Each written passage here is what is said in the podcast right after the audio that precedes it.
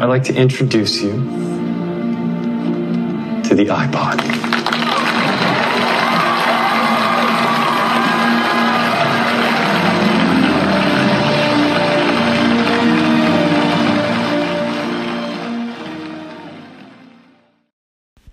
Hallo, welkom bij de Appleland Podcast, de enige Nederlandstalige podcast die zich focust op de Amerikaanse techreus Apple. Uh, deze podcast is geproduceerd door Laurens van den Berg. Ik ben eigenaar van Van den Berg Technologie. Ben je geïnteresseerd in een betaalbare refurbished iPhone of op zoek naar een reparatie, wellicht wat computerhulp? Surf dan naar www.vdbtechnologie.nl of check ons even op Instagram, vdbtechnologie. Dat gezegd hebbende, kunnen we beginnen met het onderwerp van deze podcast. Die heb je natuurlijk in de titel al gezien. Um, maar dat is natuurlijk nog een beetje onduidelijk, net zoals bij de iPhone 12. Je weet wel wat het is, iOS 14, maar we weten nog niet precies hoe dat gaat zijn. Dat komt omdat er alleen voor de developers nog maar iOS 14 is uitgekomen. Um, Apple heeft wel iOS 14 al gepresenteerd ook, hè. op zo'n conferentie doen ze dat vaak. Um, en de developers, dat zijn dus de ontwikkelaars die dus um, zelf met coderen en met bouwen bezig zijn, die kunnen dat ook al downloaden. En dat is ook al vrij beschikbaar. Alleen er zitten vaak nog heel veel fouten in. Uh, want zoals gezegd, die ontwikkelaars die bouwen die software. Dus je kunt ondertussen al eventjes checken, nou hoe ziet dat er nou allemaal uit. Maar ze moeten natuurlijk tot de laatste fouten wegwerken. Goed, ik heb een lijstje gemaakt, want er zijn natuurlijk een, een bepaald aantal dingen die gaan veranderen. Um, we hadden van iOS 12 naar iOS 13 een hele, hele, hele mooie update. Met uh, dark mode uh, en later ook trouwens in WhatsApp. Maar echt een hele hoop verschillende dingen. Onder andere bijvoorbeeld ook de herinneringen app zou helemaal veranderen. Um, dat is heel interessant. Heel veel dingen zijn, uh, zijn veranderd. De, meestal wat, wat er dan gebeurt is dat er weer een aantal updates, of in ieder geval één update, wat minder spectaculair is. Hè? Want ze hebben al heel veel vernieuwd. Dus de gebruikers zijn vaak even tevreden. Um, en dan is de volgende update, update redelijk, nou ja, redelijk saai, redelijk simpel. Het gekke is, dit keer, na dus zo'n enorme update, krijgen we weer iets nieuws. En iets zo'n beetje ook. Um, ik zal even de lijst zo meteen voorlezen, maar het is echt, uh, echt weer heel anders dan, dan iOS 13. Dat komt, en daar zou ik mee beginnen, dat komt omdat we op iPhone eindelijk widgets krijgen. Nou, dat klinkt een beetje oudbollig dat we daar, dat we daar enthousiast over zouden zijn. Want dat bestaat al heel, heel, heel lang. Sterker nog sinds het begin van dat uh, Android bestaat. Maar Apple heeft er altijd voor gekozen, expres, om het niet te doen. Om geen widgets mogelijk te maken op hun iPhones. Dat kun je ook zien. Uh, Apple laat bijvoorbeeld ook niet toe dat je de ene app uh, helemaal rechts onderin zet en de andere app links bovenin. Want dan verslepen ze allebei naast elkaar helemaal links bovenin.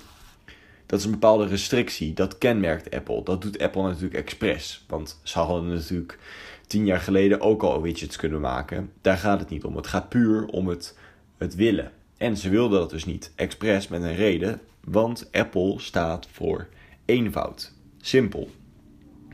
Niet te veel franje. Nou, dat wordt dus nu wel mogelijk. En voor nu ziet het er naar uit dat het met name gaat om widgets van Apple zelf.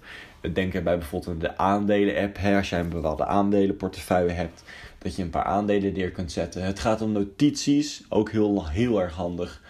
Uh, als je bijvoorbeeld jezelf ergens aan moet herinneren, maar niet allemaal herinneringen in wil uh, stellen met allemaal meldingen.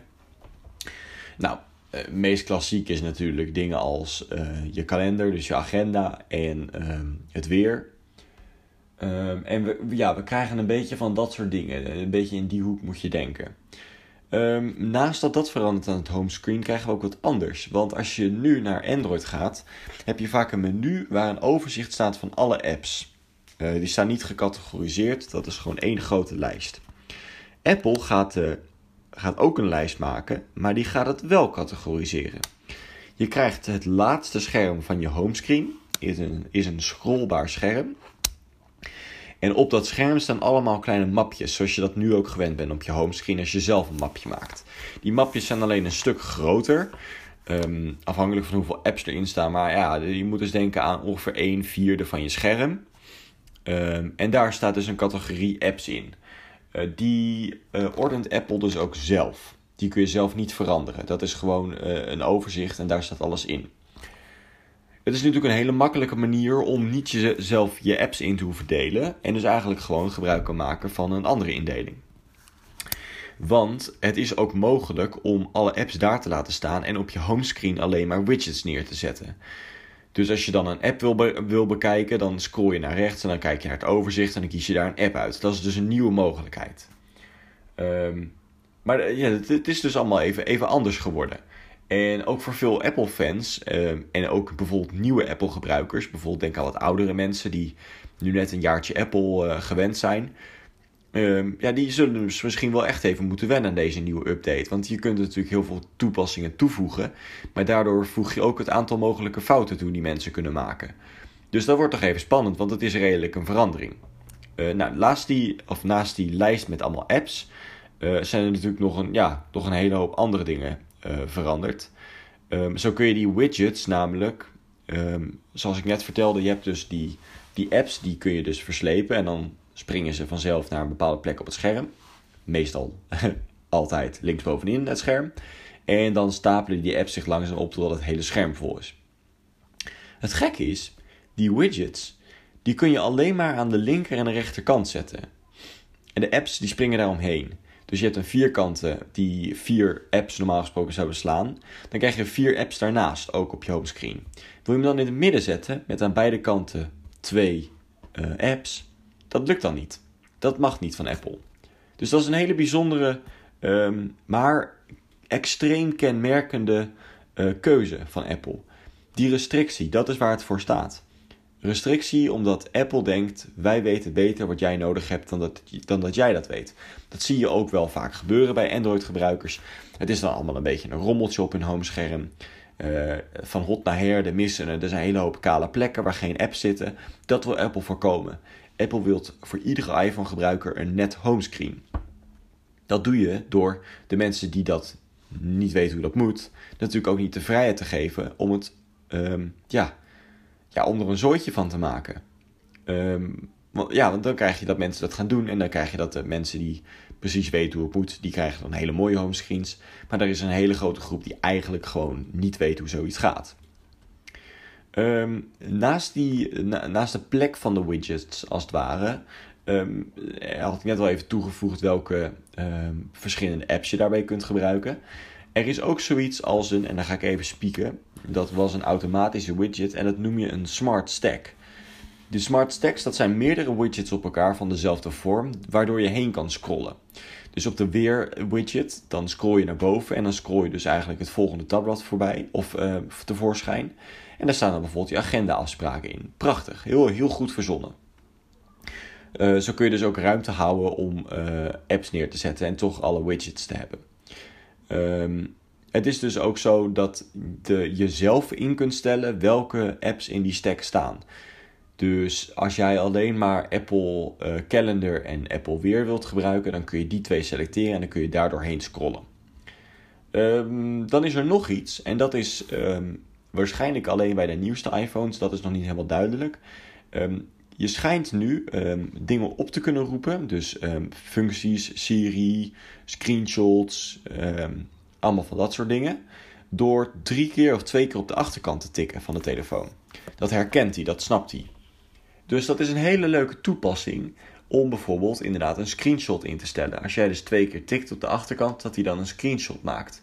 Dat is heel handig, want meestal heb je sowieso um, het grote deel van je hand achter de telefoon. En vaak één vinger aan de voorkant.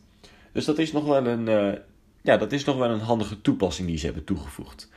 Um, evenals het feit um, dat ze ervoor hebben gekozen om een hele hoop van de dingen die ze nu op het volledige scherm zetten, om die kleiner te maken. Nou, dat moet ik even toelichten, want dat is een beetje onduidelijk.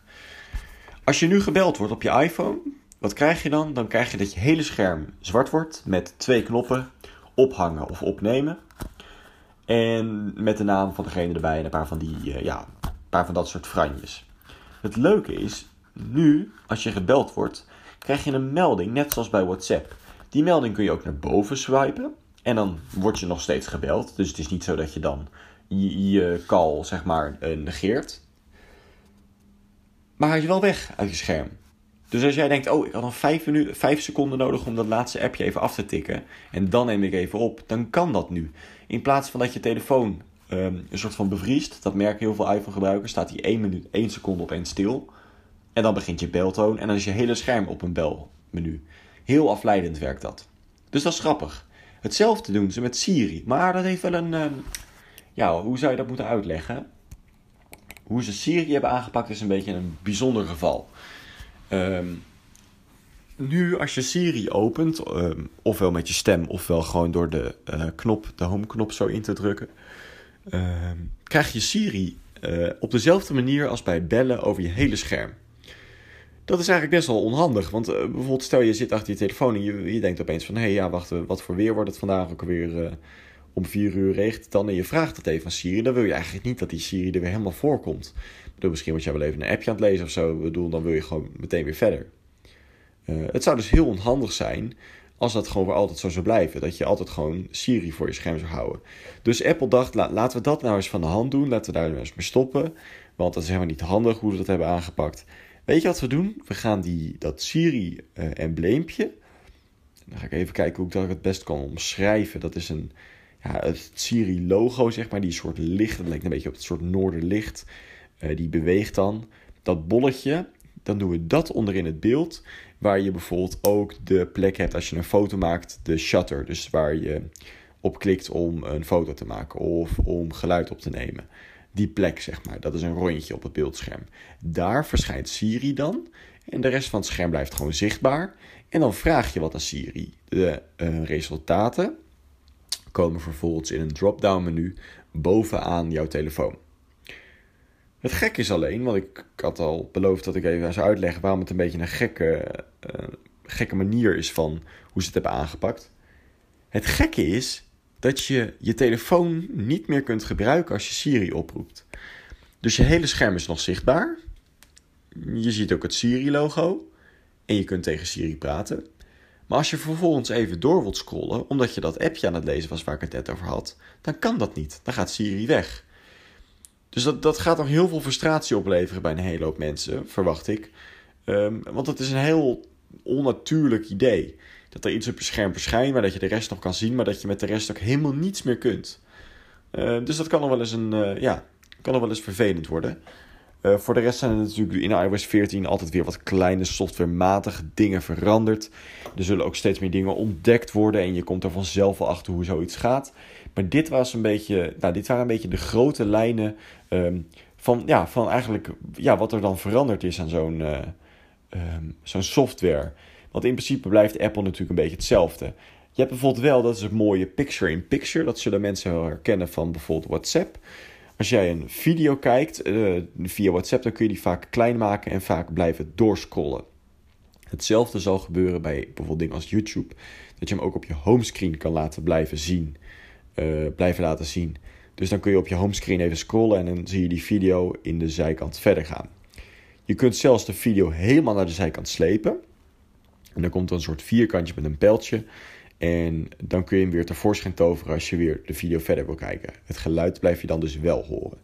Super handig. Uh, hetzelfde is bijvoorbeeld als je gaat facetimen, kun je ook dus je scherm uh, of de persoon waarmee je facetime, kun je dus eigenlijk klein op het homescreen weergeven.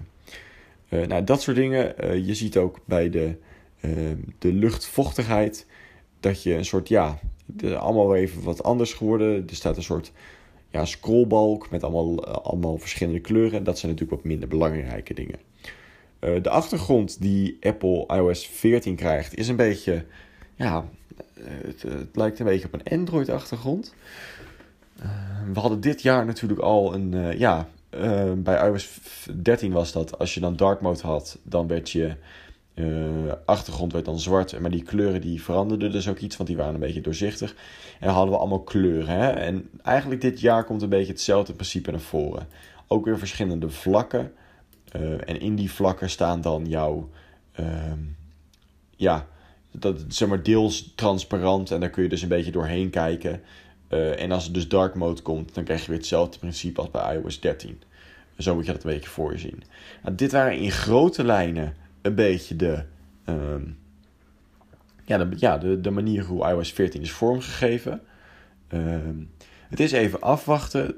De verwachting is dat in september voor iedereen de um, software update beschikbaar is. Dus niet alleen voor developers met allemaal foutjes, maar ook gewoon in de reguliere consumentenversie zonder foutjes. Ja, dus dat is eigenlijk een beetje afwachten. Uh, laat even weten wat je van deze podcast vond. Neem misschien even contact op als je nog wat vragen hebt over iOS 14. Want hij is vanaf de iPhone 6s is die gesupport. Dus in principe alle apparaten die wij verkopen bij Van de Bergtechnologie zullen ook weer compatible zijn met die nieuwe iOS versie. Want deze is super compatible, super toegankelijk eigenlijk. Uh, dus we hopen dat er een hele hoop mensen heel veel plezier aan beleven. Uh, bedankt voor het luisteren naar deze podcast en tot de volgende. Dag!